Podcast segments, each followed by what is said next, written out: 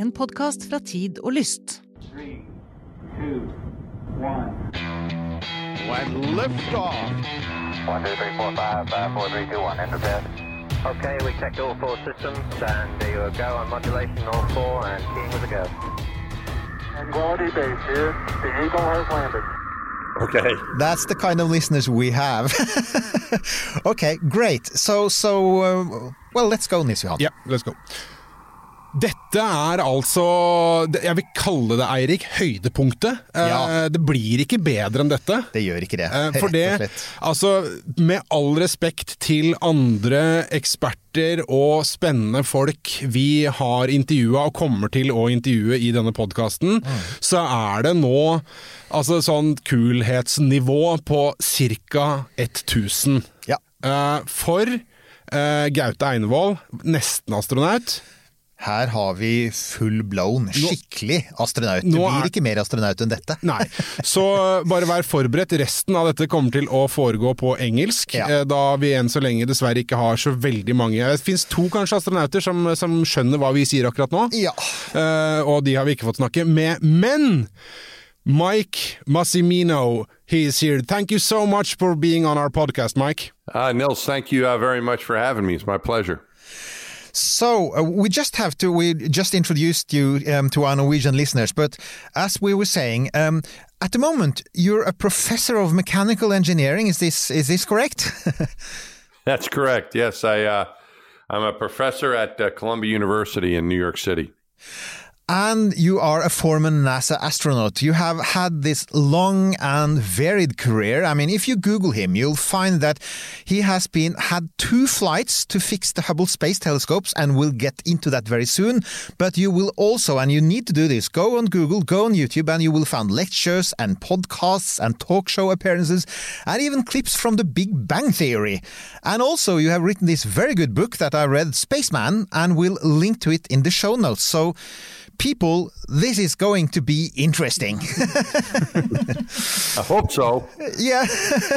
okay, Nils Johan. Yeah, first of all, Mike, just to, to, to get us into space, when you're there and you are about to fix a billion dollar piece of equipment, what I like to hear from you first is the the attention to detail and preparation and and drilling and and planning it's extreme and there is a good reason for why it is that meticulous isn't it Yeah, we try to plan out as much as we can. Uh, we have a um, just a certain amount of time to get the job done, particularly with the Hubble Space Telescope missions.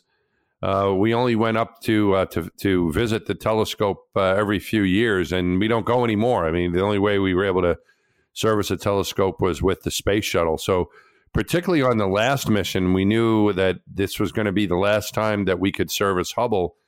And so every minute counted. And uh, there was a challenge out there to all the engineers and people we were working with who were working on the spacewalks. If you could, you know, if, if you could save a, a minute of spacewalking time, that was that was very valuable. So every minute counted. And so therefore we had to try to plan out as best we could. And uh, even then, uh, you knew that things were not going to go the way you planned, and so you needed to be um, very uh, you know, very agile, be be able to pivot, uh, be, be resourceful, resilient, because things are going to change. They never go. No spacewalk went according to plan. You plan as much as you can, you practice, but then when you do it, you know things go wrong, and, and or, or new things come up you didn't expect, and you need to react to it. So the plan is to be uh, you need to be very flexible as well There's- to, there's a react mo- quickly.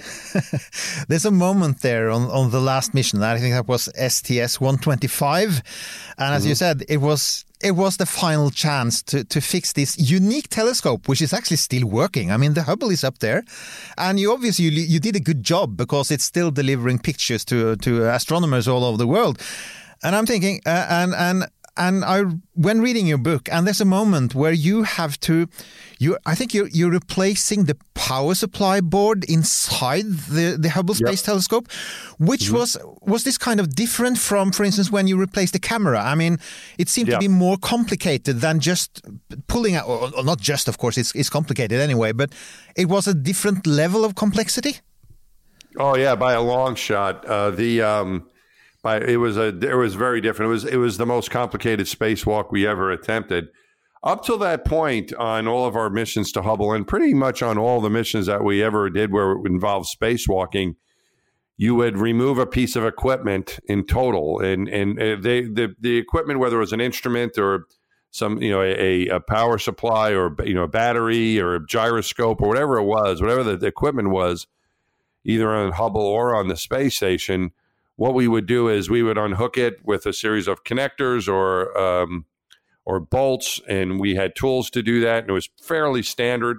As you said, it wasn't simple, but it was pretty standard. We tried to make it as simple as possible for that repair we were doing for the Space Telescope Imaging Spectrograph, which was a very valuable instrument. It was able to do things like um, uh, analyze the atmospheres of planets and other solar systems. So this is a pretty good science instrument, of course, but it had a power supply failure, as you mentioned, and that was inside of this instrument that's about the size of a refrigerator. And we did not have a replacement. We couldn't just move the entire box out and put a new one in uh, we didn't have a replacement for it. So the the the spacewalk was planned to take the instrument apart. It was never intended to ever be taken apart.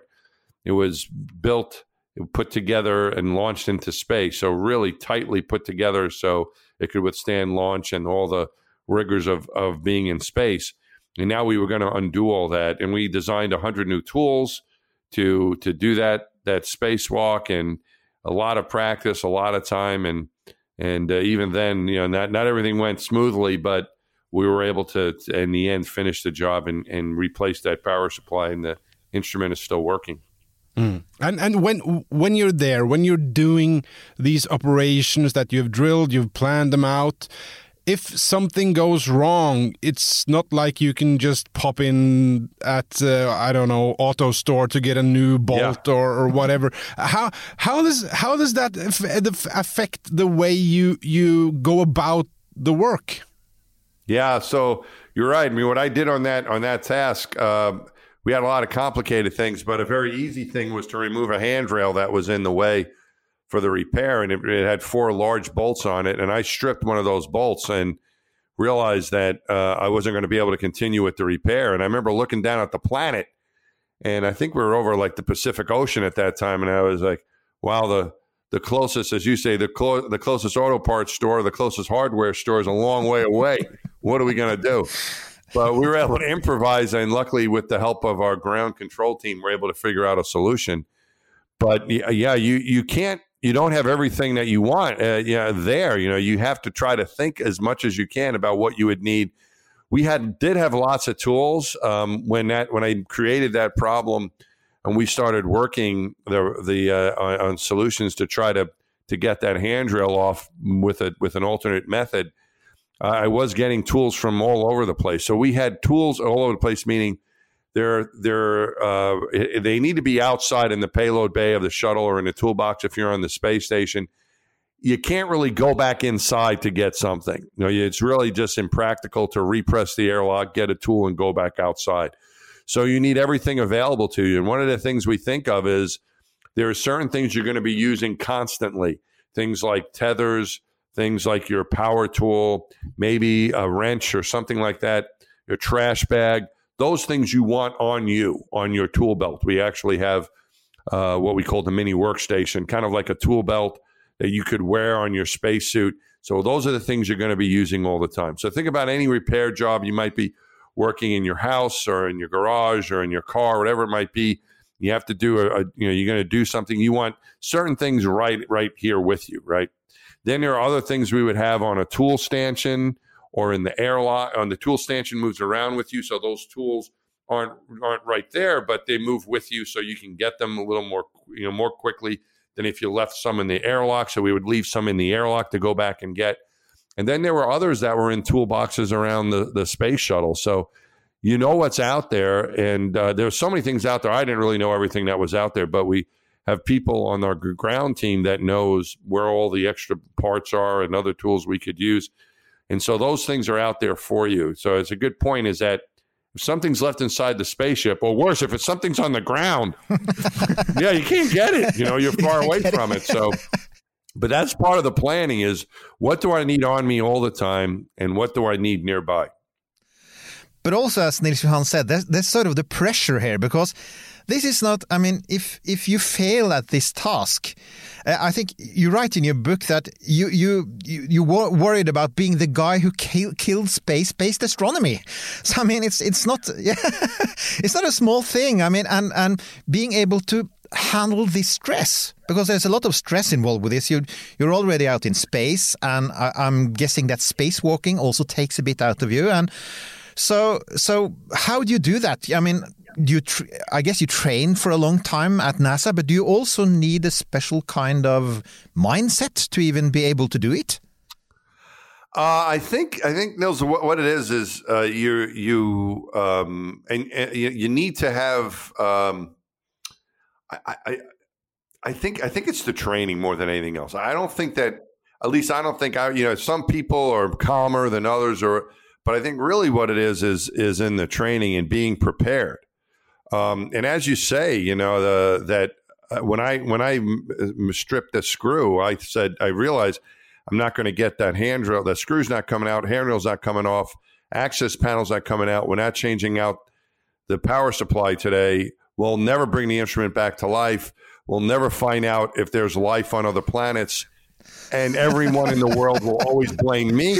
yeah. You know, I was the guy that would that did this, you know, and uh, you know, I'd be blamed forever, you know, and I was like, oh boy, this is terrible. So, but I, I think um, we, you know, we train a lot and we, we practice things and we share stories and we, it really is a big team effort. The thought of going out and doing these things can be a little bit, uh, it can be a lot, uh, it can be very intimidating. And so much so that you're, you would say to yourself, I don't, I don't think I can do it. How can I do this? But once you once you practice it and you plan and you're actually doing it, you're you're ready to go. So I, I think in my I don't think there's necessarily, you know, something that um, that you're born with. I think some I think it's good not to not to be a person that panics. But I, I think that in most cases, for me anyway, and I think for a lot of other people, you're trained that way.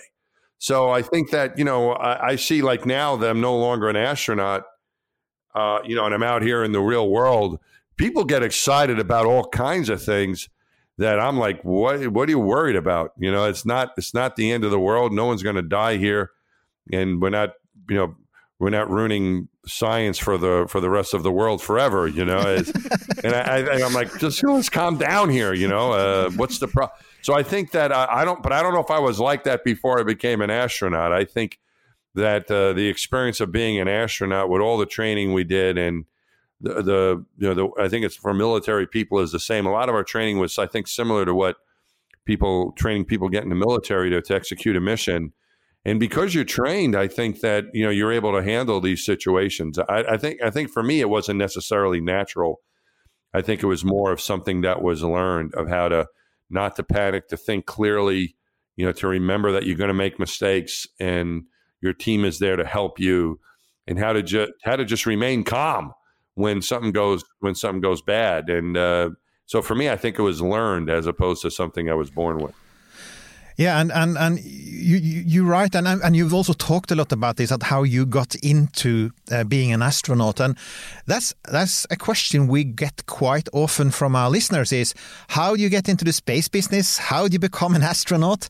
And and I think your story was actually very interesting in that respect because you you often think, and I think also as Norwegians, we all, we often think of astronauts as being sort of pilots, and as you say, having a military background. But you were a mission specialist, is that correct? Correct. And, and, that's a different kind, and that's a different kind of training. And I think that that was something that NASA introduced with the space shuttle program. Is that is that right? That's right, Nils. Yes, uh, yeah. The space. So uh, I think as far as what it takes, it changes, and it, it you never know how it's going to change. I think you. It's hard to it's hard to predict change, right? When I was a little boy, um, I'm I was six years old when Neil Armstrong walked on the moon. And back then, just about all of the astronauts back then were military test pilots.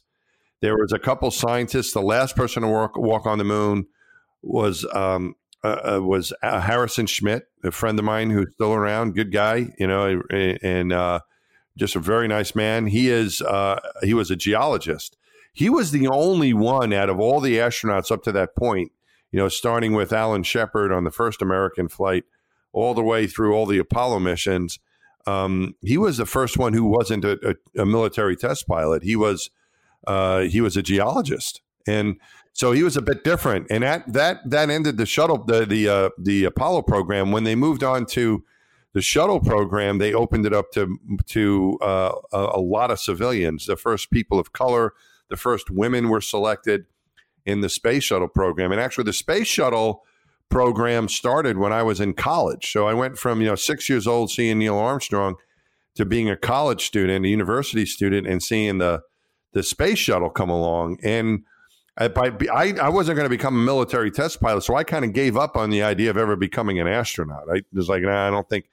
I didn't think becoming a military pilot was something that that I was was, was able to do or wanted to do necessarily. I thought it would be really cool, but I was more I was more interested in becoming an engineer. And then when the shuttle program came around, uh, just you know by accident, I realized that wow, now the astronauts are not just military test pilots. And as you said, I was considered a, a mission specialist. So what they did is with the shuttle program, they really there were two categories of astronauts. One was a pilot astronaut, and the other one was mission specialist. And the reason they did that is that the uh, selection and training for those two positions were somewhat similar, but also different enough that they wanted to make the distinction. So the pilot category, they needed a pilot to fly the space shuttle. The space shuttle was flown by a person. Uh, there was no automatic landing. It was a, a pilot landing that, that the shuttle. It required an enormous amount of training, and it also required a background experience of being a, a, military test pilot at some point. We did have some pilots who were former military test pilots and became civilian pilots. You know, they were still eligible, but you needed that sort of background, thousands of hours in high performance jets in order to be a person qualified to be to train to land the space shuttle. But they also needed a different kind of astronaut who could do experiments and spacewalks and work the robot arm and understand the systems and so on. And so for that, they we had the mission specialist category. So we had a two two we all we all were trained uh, together. The pilots were trained more in the landings. The mission specialists were trained more in the spacewalks and robotics and experiments. But we all had a lot of overlap training. We're all part of the same astronaut classes, and of course, we all we all flew together in space. You had different positions. Now it's back to just being an astronaut because there's no vehicle that really requires a, a that much flying that you would need a military test pilot. You'd need uh, astronauts who have that. Te- we have a variety of people uh, who are who are military test pilots or also scientists and engineers. But the jobs now are, are cross trainable. So now even the military test pilots that are selected as astronauts, they're also doing spacewalks and um, and and working the robot arm and and doing those things. And the astronauts who were selected as mission specialists, there's no real flying on, you know, you're not landing on a runway right now. So they're able to do a lot of the flying tasks as well. So uh, it's it's changed a lot, and it will continue to change. I think, particularly now with the privatization that's going on, where there's going to be other people going into space who aren't even uh, astronauts for their governments; they're working for private private companies. By the way, you mentioned the uh, the uh, manipulator arm or the Canadarm, uh, and it, that's this is how you got into the space program, wasn't it? I mean, you when you started out studying uh, at uh, went to university and, and went to college, you were accepted at MIT, which is a pretty elite college, I think we all know. As you, as you said, there were about all the best people from all over the world was were there, and and you you decided to to focus on the sort of human robot space robotic yeah. systems yeah, yeah. Uh, and and was that also part of your plan to eventually end up in space or were you simply driven by your fascination for robotics it was, uh, you know, it was a little bit of both, but mainly, I think, in all these uh, these situations of what to decide to do to try to be involved in the space program or become an astronaut, or I think do anything in life. I think you, you one one needs to uh, follow what you're interested in and what you're passionate about. and to become an astronaut, and I think to become most things in life, there are different ways to do it. Uh, there isn't just one way. There are many different ways to do it, and uh, so for me, um, you know, I want, uh, there were some decisions that need to be made. I wanted to be part of the space program. Um, I, I, I really admire the people that went into the military. I think I would have enjoyed being a, a military uh, person, but I didn't. I didn't think that that's what I wanted to do more than becoming a, a, an engineer or a research engineer. So I decided to stick with engineering. And when I when I got the the the interest uh, after college, I got the I was working for IBM uh, in in New York as an engineer, and and I. I, I, I decided I wanted to try to do something with the space program and try to become an astronaut, and I was accepted uh, at MIT. Um, you know, then it then the question was, well, what do I want to do there once I, you know, what kind of research do I want to do? What what kind of program do I want to set up? Because graduate school, at least here in the United States, is much different than it is as an undergrad. Undergrad, you're taking lots of undergraduate, your college education, your first four years for your bachelor's degree. You're taking lots of basic classes, and everyone more or less takes the same stuff. You you have a major in mechanical engineering or civil engineering, industrial engineering, or whatever engineering you want, electrical engineering whatever engineering you want to go into if you're an engineer or whatever your major might be. But in grad school, it's a little more specific. And I had taken classes when I was in college that dealt a little bit with robotics, but also human factors. And what I thought when I what I thought was kind of interesting, there was this question of do robots or machines or or better robots or people or better for space exploration? You know, what things what's better? And what I what I thought was that it's not necessarily what's better. It's how do you work together? How, how do people and machines work together to accomplish um, work in space? And so that was that was something I think through some of the classes I took when I was in college at Columbia University is where I went where I teach now, but that's where I went for my first four years of college, and then I took a break and then went to MIT, as you mentioned, for graduate school. Um, but some of those classes I took at Columbia um, and in with my interest in in what I wanted to pursue in space, I, I, thought that that's where I wanted to go. You know, humans controlling robotic systems. How does that how does that allow you to explore space, both for things like the space station and the space shuttle, but also for for planetary exploration? So that's what I got into, um, and uh, at, at MIT, it was a perfect place to to to get a chance to uh, to to study those things. Mm. And and with your with your background and fascination for robotics and your experience, your first hand experience with it in space. Uh, how do you how do you see the the combination between uh, robotics in space and manned exploration now and in the future? I think it's uh, I think it's really a partnership. I, I don't think it's one or the other. I think that really it's it's it's it's both.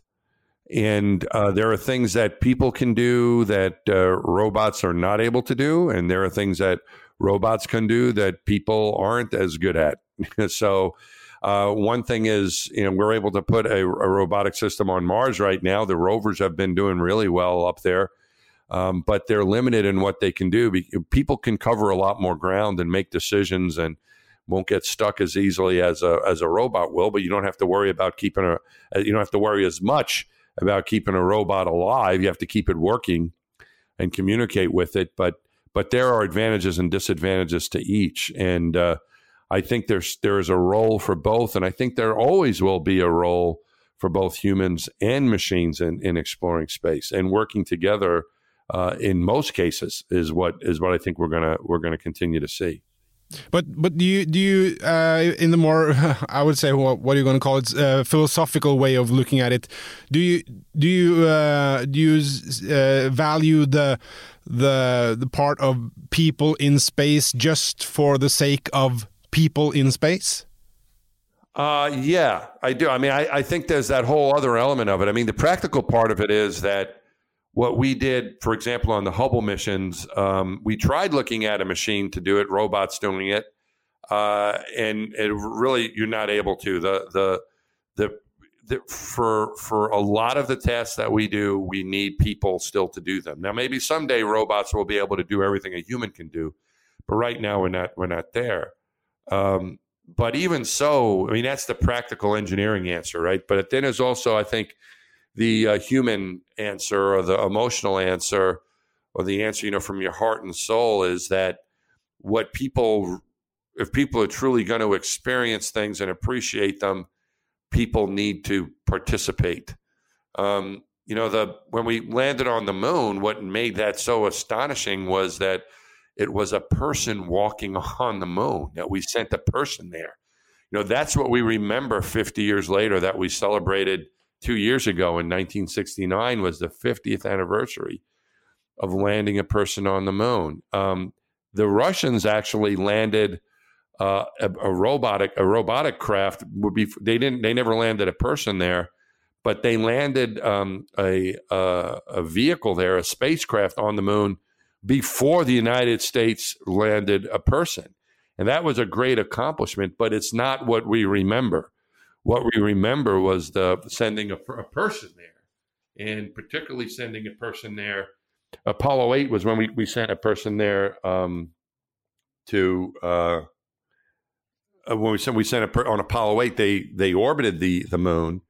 But then on Apollo 11 of course is when we actually walked on the moon and both of those uh, both of those missions were historic. Of course Apollo 11 maybe more so because they actually got out of the spaceship. They landed and walked around. Yeah.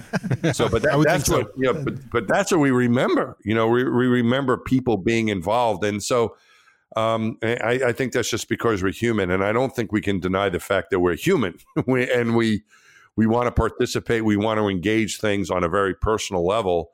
Not everyone can do those things, but certainly we can send people to be our representatives to do these things and to, and we can share with them. I think that's very true, and and as you said, you you you actually remember watching Neil Armstrong stepping onto the moon, right? When you were six years I old. Do. Yeah, I was. You will. I was six. I was six years old. Oh, I was six years old. Yeah, you were lucky. I, I, was five at the moment, and my parents didn't have a TV, so I didn't get to oh. see it. Oh, so that's man. yeah, I, I, I agree. Born. I wasn't born, and and, and Nils Johan wasn't born. But but anyway, yeah. I, I, I remember watching the late missions, and I remember how it inspired me. Uh, also, I'm I, I'm to, I was educated as an astrophysicist, and there were so many people also here in Norway and all over the world who were inspired by that mission. Yeah. And I, I remember watching um, the the launch uh, the, the, launch program on I think it was CBS with, with Walter Cronkite.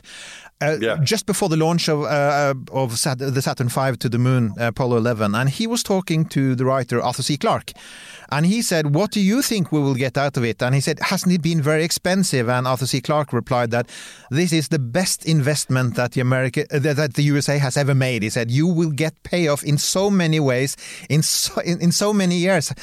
And I think he was completely right because not just because of the technological spin-off, but also because that inspiration thing, right? Yeah, no, and I think um, I, I, think that there's a lot there. One thing you mentioned was that it was it was uh, it was important in Norway as well. It inspired people in Norway. It inspired people Definitely. all over the world. I think it was one of the few things ever, maybe perhaps the only thing that has ever happened that truly inspired the whole world. And what uh, Al, Alan Bean, who was um, uh, the fourth person to walk on the moon, uh, on, on he was on Apollo 12, the mission, of course, right after Apollo 11. And uh, he, you know, he is he no longer is with us, but he was a good friend of mine and my mentor, and I miss him very much. But I'm lucky that I did get to spend time with him, uh, and he would tell me stories of, and he told me how when they went traveling the world after their mission, that it was never you did it, the Americans did it. It was always we did it. No matter where he was, he could be in Europe or he could be in Japan or he could be anywhere in the world, and it was we did it. People felt like it was a human accomplishment, not just an American accomplishment. That that the world had done this, and that everyone took part, and they did. It was it was because it was that sort of thing. It wasn't just for a government doing it; it was people doing it, and these were our first people that left the planet and went somewhere else for real, going going to the moon. So that's that part of it. And I think you're right. I think it's it's really hard to quantify the benefits of yeah, the space program. It's been going on for a long time. of trying to, you know, what is your return on the investment and is it worth it? And it's hard to put a number on it. But certainly, uh, I think overall it is, I think, a tremendous investment because it's the future. It's a so it's an investment in the future. A lot of the benefits we get from space and from science and research don't happen the next day. It takes a while. So that's one thing, but it's an investment in the future. It's also a way to inspire people, as you said. I mean, it inspired me as a young boy, um, and it has inspired so many people. So for education and inspiration, I mean, you can't really put a price tag on that either. International cooperation. We are cooperating with uh, with Norway and all the countries of the European Space Agency, along with the Russians and and the Japanese and the Canadians and other countries as well. Israel's going to be sending another astronaut to space. So there's and the, the UAE has sent an astronaut to space recently. So two astronauts to space. So it's international cooperation. It's something we can agree on. Different governments can agree on. And I do think the economic benefit is there as well. And I think we're going to start seeing that benefit big time as we now have the commercialization of space and the privatization of space. So we're not seeing, you know, I think we're, we're, that's 50 years later.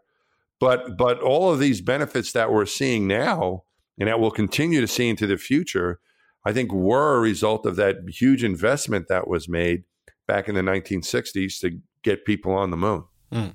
Let's let's uh, talk a little bit more about people, but let's bring it down to the, a smaller number of people. The the the astronaut community and and how how the astronauts uh, for all the different flights connect and become, I guess, friends and family.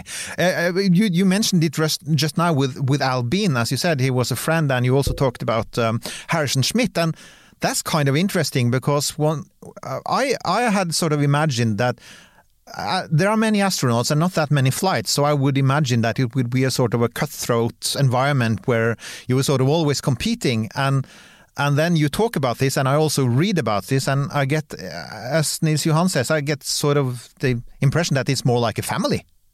Yeah, it is, uh, and that's that's an important thing to, to uh, I think to realize is that teamwork is really important, and um, it's there are you know there are in, in, the U.S. or at least the U.S. model is you have a lot uh, more astronauts and you, everyone gets a couple flights hopefully um, you know, as opposed to other countries like Russia, for example, has fewer cosmonauts, but they refly a lot of their um, people a lot, you know, over and over again. They get more flights, more time, and we we the U.S. model is to spread it around a little bit more. Um, but as far as like the cutthroat part of it, I think uh, that doesn't work in the space business, and I don't think it works in most businesses. I think that the world today is pretty complex. Our missions are certainly complex, but I think everything that people are doing in business and in, in almost any job that you have now, there's a lot of complexity to it. You know, things aren't simple anymore. And it requires more people to be involved, to check on each other and to work as a team and rely on each other. And you can't do that if you're trying to hold the other person down. You really need to help each other and for me, the the teamwork aspect of it, you, you mentioned it a family. Yeah, I mean, Alan Bean and Harrison Schmitt were well before my time. You know, they were astronauts in the in the 60s and early 1970s, and uh, I was an astronaut in the 90s and 2000s. And uh, but you get to know these people. Uh, you get to know the people that came before you, and, and you get to know the people that came after you. So it is sort of like this very nice family to be a part of. But to give you an example of uh, of the teamwork aspect of it, uh, when we when I first joined when I first was selected by NASA as an astronaut, uh, we were given a you know we were given a phone we were f- called on the phone and they say you you know you've been selected and you say yeah that's great. You know I, am happy to you know to thank you very much and you're very excited about it. And then you get uh you get a uh, they actually ask you if you're still interested in the job. And I was like yes I'm still interested in the job. It's kind of funny. But uh but then but then I got a, a, letter in the mail. You know, like they send you a packet of information, right? A pack, you know, stuff to fill out and information, and you know, in an envelope, a thick envelope. And in the letter, the very first letter, it said like, "Congratulations," and you know, report for work on this day. If you need help, call this person. And then there was something. There was another paragraph about please practice your swimming. And I'm like, what is this about? And it said that we were going to have to. Uh, pass a swim test in order to go to water survival training with the U.S. Navy. And a lot of, if you don't practice you, and you're not a good swimmer, you're going to show up. You're going to do that. One of the first things you're going to do is take this swim test. And if you don't pass, it's going to put you behind and it's a problem. And I'm like, oh man, because I'm I was not a very strong swimmer. I never liked the water very much. Uh, was all, I was always cold. I was a skinny kid. I you know my mother made me go to swim lessons and I didn't like it, and so I never really learned to swim very well. And I'm like, holy cow! Now I got to do this in front of all these other astronauts. This is going to be terrible. So I practiced as much as I could. And when we showed up for work that first uh, that first week, it was a lot of administrative stuff to do. But at the end of our first week, the the, the second week is when we were going to start our training, and if the first event was going to be this swim test on this Monday.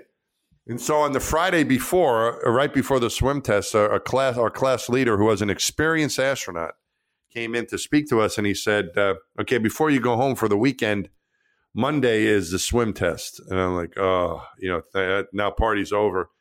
And he said, "Who are the strong swimmers in this group?" And a couple people raised their hand, and then he asked, "Who are the weak swimmers in this group?" And don't lie to me. And I raised my hand.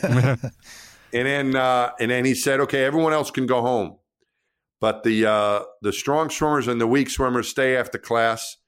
You're going to arrange a time to meet over the weekend at a swimming pool, and the strong swimmers are going to help the weak swimmers with their swimming. Because when we go to the pool on Monday, no one leaves the pool until everyone passes that test.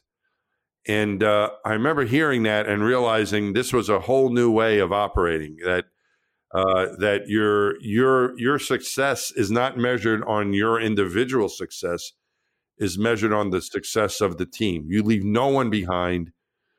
Uh, you help when you can. You do your best not to hold back everybody else. I mean, I don't want to be the guy failing and making everyone else fail. So it, it it it, we got together over the weekend. We we practiced. I got help from some of the better swimmers, and we got there on Monday, and everyone passed. And so I think that to me sums up the teamwork and attitude we had. That you your job was to help the other person when you could, and to get help when you needed it. And that's what we're looking for in astronauts at NASA. And I would say, from my experience at the European Space Agency as well, and all the other all the other agencies we work with, we're looking for that type of person. And you know, it's one thing to be really smart and accomplished, or to act like you know everything, but uh, it's another thing to be the kind you said family. You know, it, when you're looking for new astronauts, you know, you're looking for someone who you would want as a family member. And it's funny because I hear, you know, when I was trying to become an astronaut, I would hear stories from these people that had figured it all out. You know, they knew exactly what they needed to do to become an astronaut. And, you know, they knew the whole, they knew everything and they were going to become astronauts. And I was like, okay, I guess you know what you're doing. I don't have any idea. And, uh, you know, I, I was lucky enough to get picked. And I think a lot of it was, a lot of those people who thought they knew what they were doing didn't, and I think that is because it it's not you know you're you're looking for something to be a good astronaut. As you mentioned earlier, you really need to be like a good family member, and you want to trust. You want to be able to be. You can. You need to be trusted. You need to be able to trust other people uh, because your lives are at stake. Your mission success is at stake, and you have to rely on people. And so that's why I think you know, I do I do a fair amount of uh, speaking to various companies, and I share some of these stories uh, and others with them to you know to to share what we were what we were like at NASA in our astronaut office because teamwork was so important, and you needed to help each other and stick together. And as a result, the, I think the strongest relationships I have in my life outside of my immediate family or my my my colleagues that I flew in space with because it's kind of like a hybrid of friendship and working colleague and family member. Uh, the other we were all brothers and sisters doing this together. Yeah. Uh, I, I, was watching, uh, it was also sort of integrated into the system. I was reminded, I was just the other day, I was watching Apollo 13, one of my favorite movies, yeah, of course. I love that movie. Oh, yeah, it's a great yeah. movie. Uh, oh, and the soundtrack. The soundtrack is just wonderful. Oh, yeah. But, I think James Horner, I think he's called uh, the composer. Uh, oh, I Yeah, and I I um, flew, I flew a copy of that movie in space, by the way. you did, yeah, of course. And and love I was movie. I was also reminded that how NASA uses astronauts uh, when they um, uh, uh, both to, to communicate with astronauts uh, up in space. So while the astronauts were having their problems, uh, uh, you had uh, I I think it's Capcom, uh, the Yeah. people uh, on the ground who com- communicate with the astronauts. And and also how astronauts were used to take care of the family. There's a scene there where, where Jim Lovell's Yep. mother is watching her son on TV, and and Neil and Buzz are there, and and and, and she's asking them, "Oh, so so you're into space too?"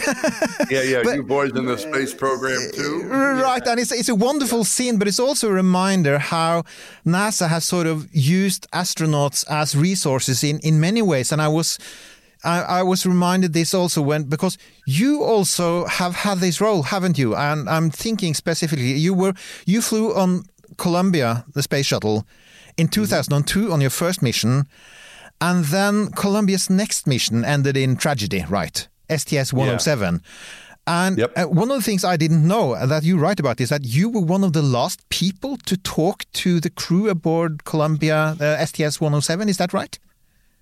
Yeah, it was. Um, I was uh, uh, good friends with that, with just everyone on that crew. Um, um, three of my classmates, my three of my astronaut classmates, Willie McCool, Laurel Clark, and Dave Brown, were on that mission. My very good friend Ilan Ramon, who was the Israeli astronaut, uh, I, I, you know, I had spent uh, the Christmas holidays with him and his family. Um, at another astronaut's house right before. I mean, that, that flight happened in January, and a, month earlier we were together celebrating the, the uh, holiday season together with with our families.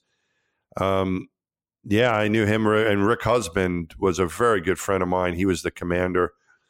Um, so, um, so as a Capcom, I had worked as a Capcom in mission control, but I wasn't working as a Capcom uh, for that mission. But I, I actually I was working, so I was working as Capcom for the space station uh, while their mission was up. So we had uh, they were not going to space station, so we had a control room talking to them about the space shuttle, and we had a control room talking to the astronauts who were in space on the space station. And that accident occurred on a Saturday morning in the United. It was the time was you know, like eight a.m. Saturday morning in in Texas and uh, where I lived at where we were in mission control. And uh, that Friday, I was finishing up my shift on a Friday afternoon.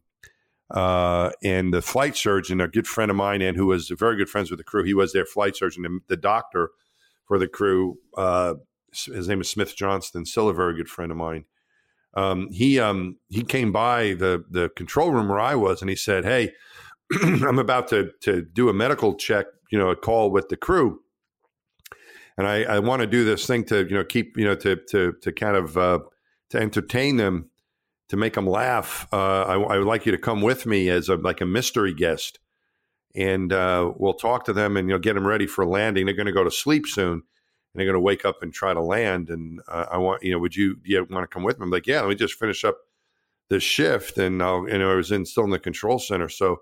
So I finished up what I was doing for the space station, and I went went with Smith. I met him, and we went into the secure area, uh, and we were able to talk to the crew. And it was, you know, I was introduced as they had to guess who I was, and it didn't take very long because he, he described me as a New Yorker who was very tall.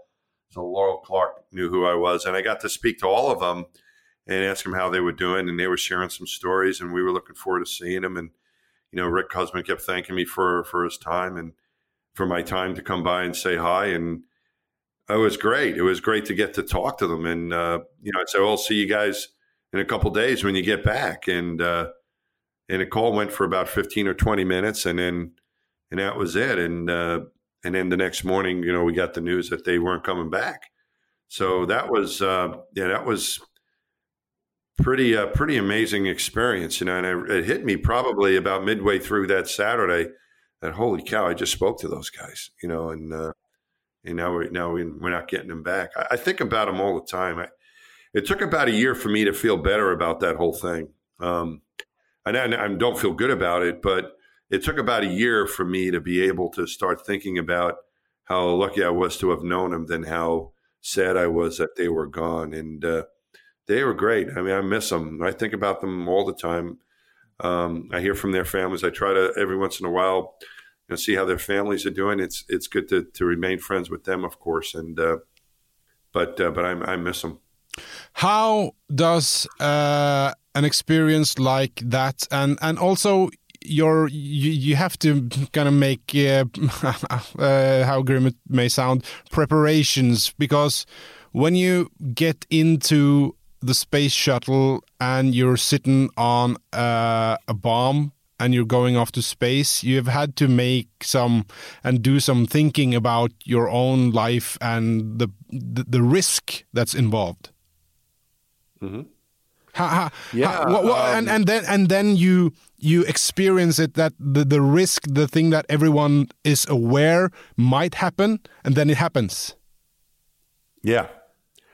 Um, you know, I think that uh, I, I think that what we do in our lives, we only have, you know, one shot at this, as far as we know, and uh, you want to make sure that what you're doing is something you think is important. Is the is the way I I look at it, and I think that that might mean then that you, if there's something that you're passionate about that you think is important, that involves a risk. And most things involve a risk. It might not necessarily you might not think of it as a risk of your life but i think you have to feel i think it's important to feel that what you what you're doing is so important that you're willing to risk your life i would i would rather do that than do something being doing something that i didn't care that much about.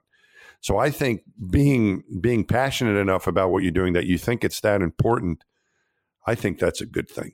And um when I when I first was thinking about becoming an astronaut and I was getting ready before I'd gone to MIT, we lost Space Shuttle Challenger, and uh, when I saw that that you know it didn't say, "Oh no, this is dangerous," I knew it was dangerous. I, I saw that happen to Challenger, and and I thought, well, you know.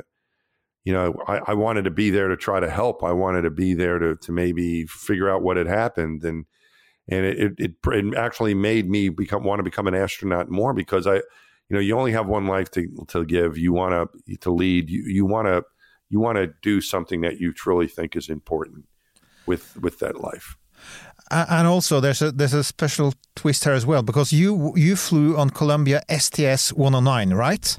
yeah And uh, and the, the the accident happened with STS 107. So right so were the missions switched around? Was that Yeah. yeah yeah that's pretty uh, pretty observant uh that was yeah that's what happened um so we were both scheduled both missions were scheduled for space shuttle columbia and when you get when you get assigned usually you order the numbers of the missions and you picked it up on the on the numbers of the missions which is which is good.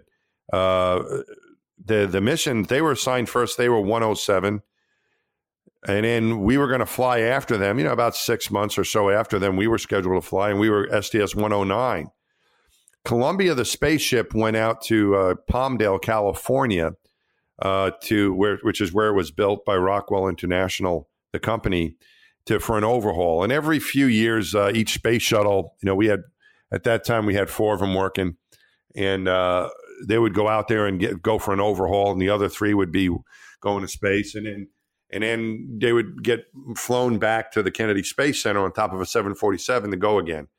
And when Columbia came back to the, and we were assigned, ready to go, 107 was going to go, we were going to go after them.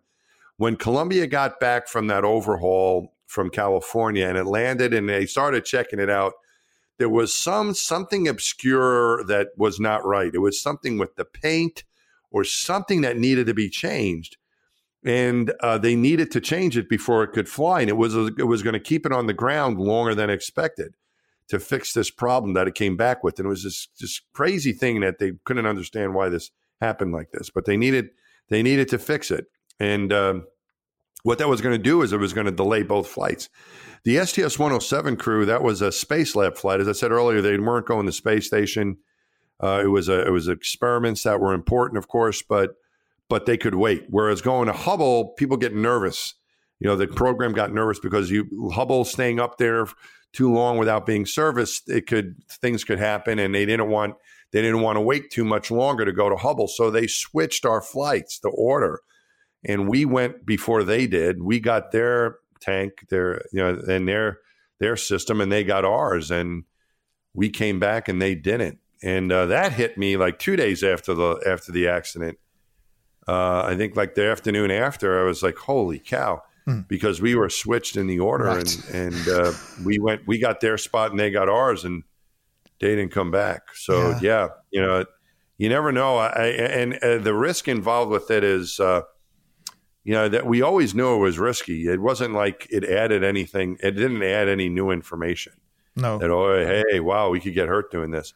It really, it really didn't. Um, I remember Kevin Kregel, very good friend of mine, who is a pilot, uh, an an experienced shuttle pilot and commander, um, and good friend of mine. Uh, I saw he was the first person I saw the day of the accident. We were walking in the uh, in the in the building. We were all called into work to get a briefing on what happened and what we could do, and we were all just devastated. But the first guy I saw, I looked down the hallway and Kevin was there, and I called his name, and he stops and he looks at me and he's just shaking his head, and he goes, "You know, Mike, we're all just playing Russian roulette, and you got to be grateful that you- you're not the one who got the bullet." And I think that that's kind of the way it is. Is that you know you're just you're taking that risk, and every once in a while you're going to have a bad outcome. Yeah. And that's what happened that day. But uh, I also saw. I saw you also wrote. I I think I saw that you you th- you think that Columbia's crew might actually have been saved if NASA had been on its game.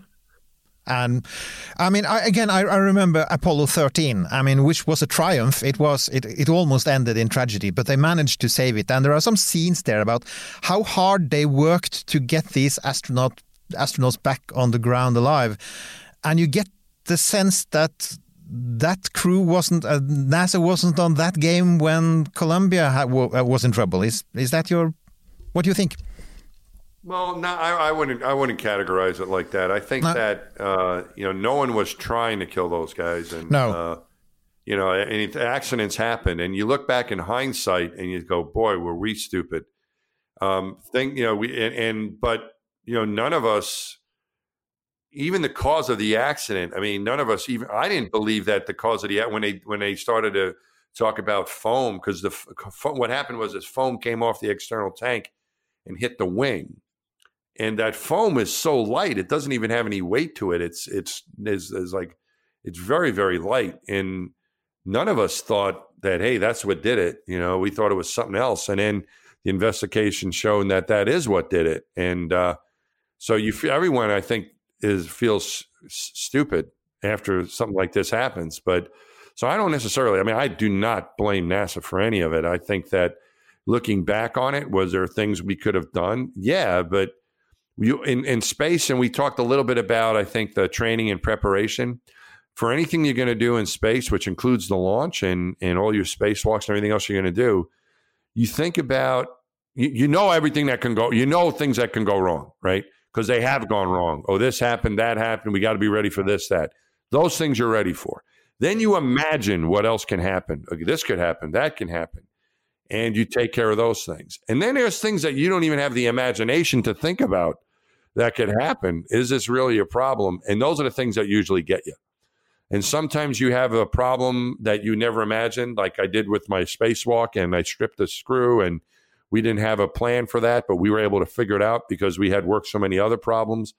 But other ones you don't. And uh, the one, the thing that happened to Columbia, we we we didn't know that they took a a debris strike that like that that was going to cause a problem. We didn't know they had a hole in a wing. You know, it was it was a bad timing of things. They did not have a robot arm to even inspect if there was any damage. They they did not have a way to see if there was damage. We didn't they didn't have a way to repair it. When no one thought there was any damage, you know, it was just yeah. Maybe we, you can look back at it and you can point fingers and you can say, hey, they, they should have done this and that. But I don't I don't think it was really any real negligence. I think looking back at the Challenger accident, uh, there was some there was some voices uh, that, who mentioned some of the issues that they thought could happen, and they were ignored. Uh, launching in cold weather, for example, which is what happened. That was the Challenger accident. I think that was a little bit different. With uh, what happened with Columbia, I mean, no one no one thought that this could have taken down a space shuttle. And you know, should we have thought about it? Well, maybe. You know, but you know, you can't. You, you try to think of everything, but no matter how hard you try, you, you still miss some things. And, then the, the second flight you were on uh, STS uh, 125. Uh, one one thing I, I, I wondered about myself, and I discovered when I read your book, you couldn't use uh, the space station as a, a place to get more tools if you ran out of tools, or even to seek shelter if something went wrong. Why couldn't you use the space station? I mean, you were in the shuttle, you were in space. Couldn't you just fly there? No, you can't do that. In these movies, sometimes they go from Right. space station to this place, that place. You know what? No, you can't. What it is is just orbital mechanics, and this is your, for you know for your audience who likes Yeah. math. If you look at orbital mechanics, um, you can change your your altitude once you're in orbit. So in orbit, you're going seventeen thousand five hundred miles an hour. Okay, that's really fast. You can go faster. You can burn your engine and go faster, get more energy, and you'll go to a higher orbit. Or you can burn your engine into the velocity vector and slow down, right? That's how you, it's kind of like putting the brakes on. You fire your engine into the direction that you're traveling, and that'll slow you down. And then your altitude will decrease, and you'll come home. And that's how you can change your altitude. That's how we come back. We we we we adjust our altitude so much, we slow down so much that gravity of the Earth pulls you in. Actually, speeds you up once that starts happening, but but you get pulled into the Earth. So you can change your altitude. But in order to go to the space station, you would need to be in the same inclination orbit. The space station, I think, is at, at about 51 degrees inclination. The shuttle, this the uh, the telescope was at 26 degrees. So different, and that that that that is the inclination of the orbit with respect to the equator. That's the angle. The or, or so two different inclinations. You it you're going that fast it is really it is impossible just about to make a left or a right turn. There's so much momentum built up. You can slow down or you can speed up but there's no way you can overcome that momentum and go left or right more or less to change your inclination. Just can't do it. So uh, that's why going to the space station was not an option. It's because we had Space- different inclinations Space is hard. Space is hard. Oh and, my god, space Yeah. is hard. And that's one of Yep. the things many people react to when they watch Gravity. When people say they're they're jumping all over the place, and I say it's not that easy. nah, you can't do it But it was that- a good movie i thought but Oh nah, you yeah, it's oh yeah, and the effects are magnificent. Uh, but yeah, Uh, and and then you have the uh, and, and of course you you you you land on the ground and you're still an astronaut. And then a bit later, you're offered a flight to the International Space Station, but you Why, Mike? Why? Why? Why? Why did you? What pass- happened? What happened? Everybody dreams to go to the space station. Yeah, you know, I probably, I probably, you know, looking back on it, uh, was like, well, I wonder if that was the right decision or not. But um, I think for me, uh, the flights that I had had on the Hubble, um, and I'd been an astronaut for a, a while. Uh, my family um, at the time, my children were in in high school. You know, they were teenagers.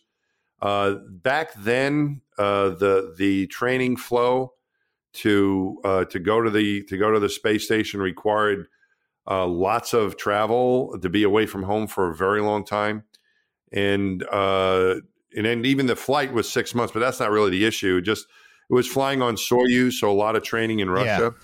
So I think it was a it was kind of for me it was like a combination of that being involved with those Hubble flights to me was what I was meant to do. I wouldn't have known that when I first became an astronaut, but that's what I was meant to do.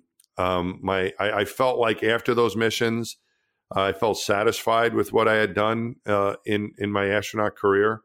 Um, I was at a point in my life where I wanted to be around my family a little. I didn't want to miss those critical years. Uh, it would have, it would have, I would have missed a lot in those years, and I felt there was still ways I could contribute, and you know, someone else could go in my place, and I don't, I didn't really feel like it would be that much of a loss to the program. There were other people that hadn't gone as often as I had, and and so that's why I made that decision. You know, and and uh, you know, I don't know. I mean, looking back on it, if if there were different circumstances, looking back on it now, you know, it, it sounds crazy to have done that. I, I still think about it.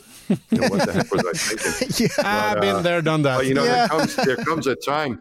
You know, there's a you know a Marine pilot friend of mine, CJ Stairhouse, says all good things must come to an end, And uh, you know, I, I think uh, for me, it uh, it was a decision that I made, which was kind of interesting. In some ways, it's easier if they tell you now you're not flying anymore. You know, that's what happened to a, a lot of people. Would said, "All right, that's enough. Time to do something else." But for me, it was it was my decision, and I think that actually makes it tougher because Yeah. uh, yeah, I was but- offered that opportunity and didn't go. And um, but yeah, you know that that's that was based on the timing of it. You know, and timing has to do it a lot with it. I had flown a few times. I had been an astronaut for quite a while. I had done the missions that I felt like were for me, and uh, and my it was. I think the overarching thing really was my my family situation that I felt like it was better for me to stay on the on the Earth than to than to go through that. If a certain manufacturer of electrical cars now would approach you and say, "Hey, Mike, want to take a spin on my rocket?" would you do it? Yes, absolutely. Yes, I'll go. Yeah. Oh yeah. Yep. My, uh, my my kids are older now. It's okay. I can go.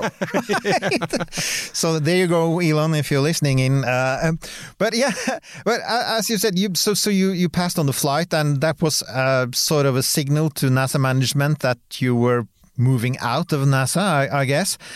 But It was more. I think it was actually more of a signal to me. Quite Yeah. honestly, I, Yeah. I was. I remained an active astronaut after that um, for at least over a year, and um, I think what it was, it was more. It, it was interesting. It was more me telling myself. You know, you can tell a lot. You can think about things and want things in your brain, but when you actually your actions, uh, I think, tell you what you want to do. And when I turned down that flight, I said, What am I telling myself? You know, I would never have done this 10, 15 years ago, even five years ago, but I'm doing it now. And, you know, at that point, I'd been an astronaut for 15 years. And, and I think for whatever reason, that was probably enough. Yeah, but but since then you've done a lot of work with as as we started with you've a lot of, done a lot of work with sort of talking about space travel and and inspiring people and and we have to mention here that uh, you were actually the first person to tweet from space, right? Yeah. So so you so you started using tweet that and that was on STS 125 in 2009 and and I I, I see the, I I have the tweet in front of me. From Orbit Orbit launch was awesome. I'm feeling great working hard and enjoying the magnificent views.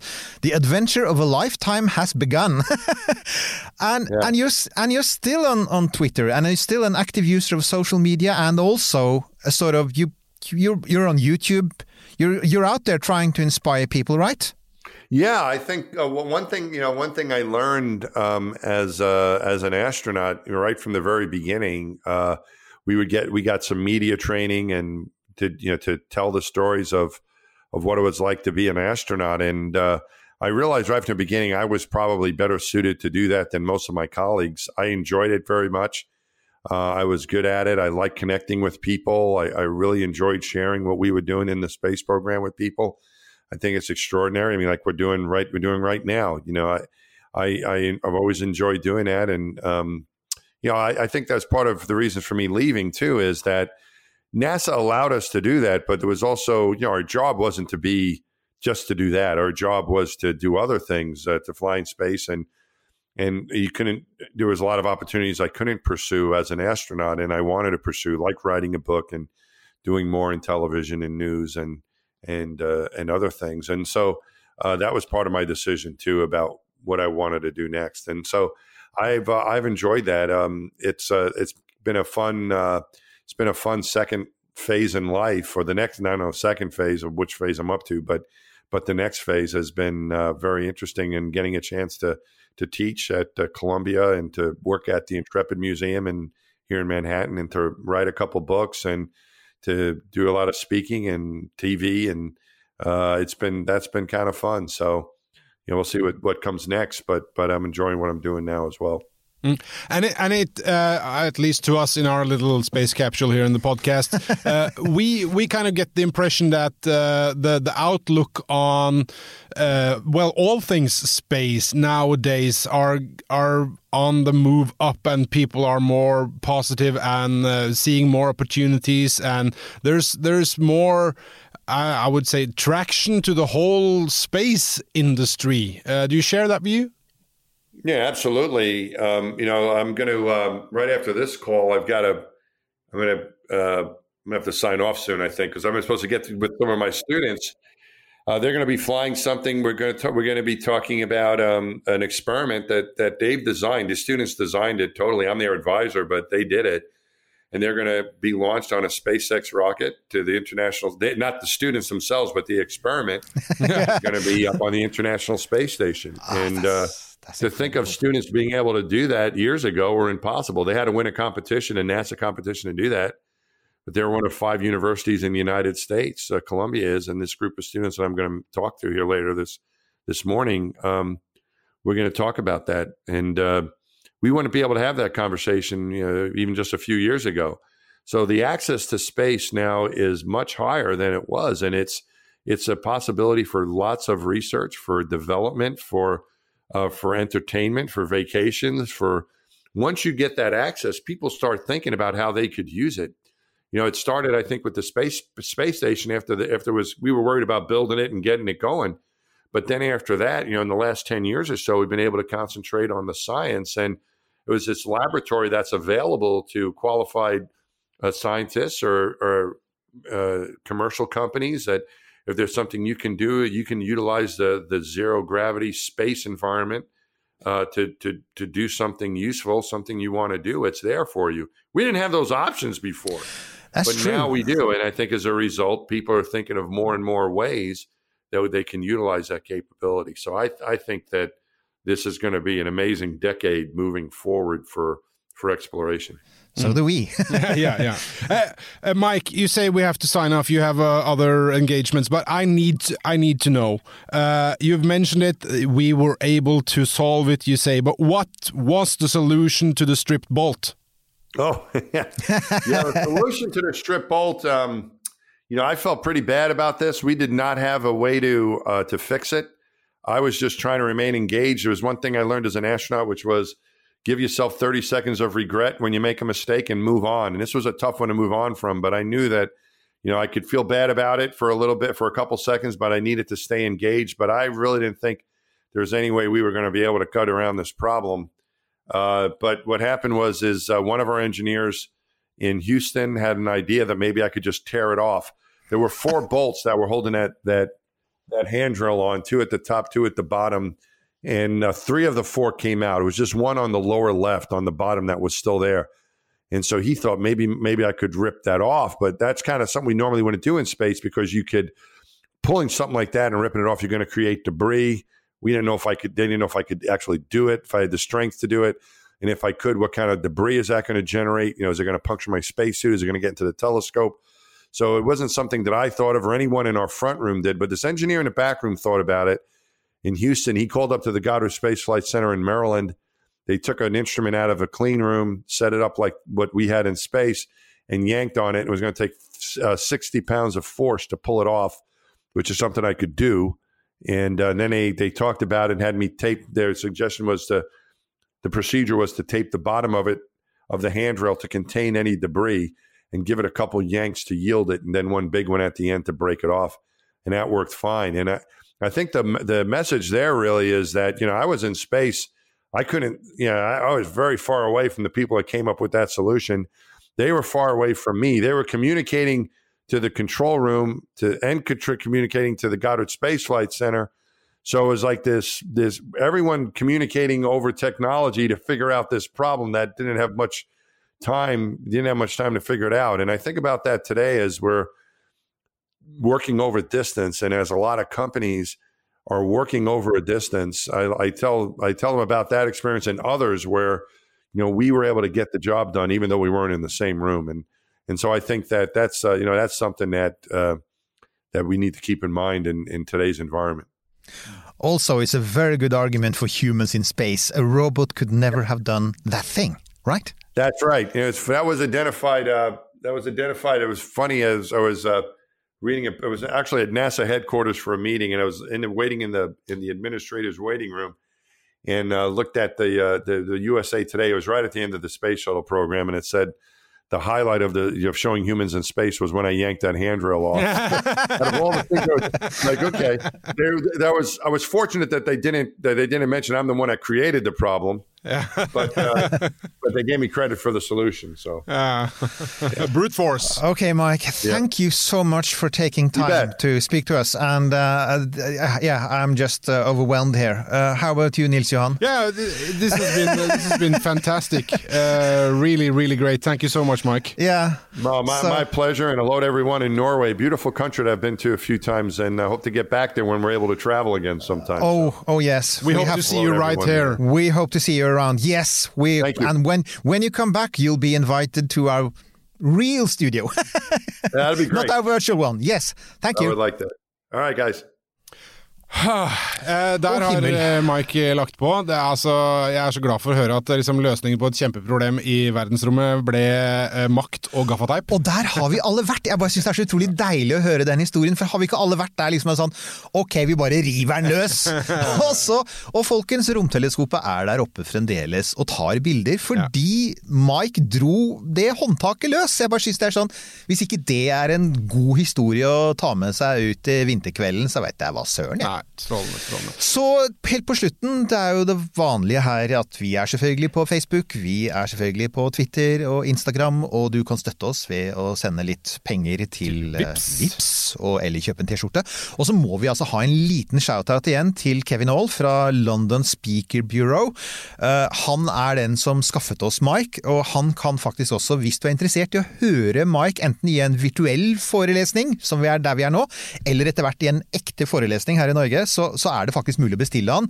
Vi legger ut lenke til det i shownotesene våre, som er på romkapsel.no. Fint hvis dere sier fra til oss eh, hvis dere booker han til sånn eh, at han faktisk kommer. Oh, ja. Hvis vi bare kan få lov til å sitte litt sånn i bakgrunnen der og, og være med, så Vær med, og, og, og som sagt, det er virkelig vår plan en dag så skal vi ha han her, fordi bare så det jeg har sagt, vi fikk ikke snakket om den andre ferden, vi fikk ikke snakket om, om da han var med på å utvikle systemet for å styre Canadarm og alt det, altså vi er så vidt i gang, og som dere hørte, Mike eh, kan fortelle. Ja, det er et eller annet med amerikanere, så de eh, svarer De er i lange naturlige, ja. ja. De gjør det.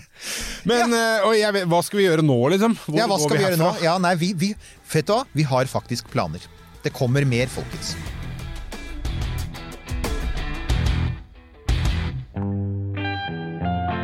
Denne Podkasten er produsert av Tid og Lyst.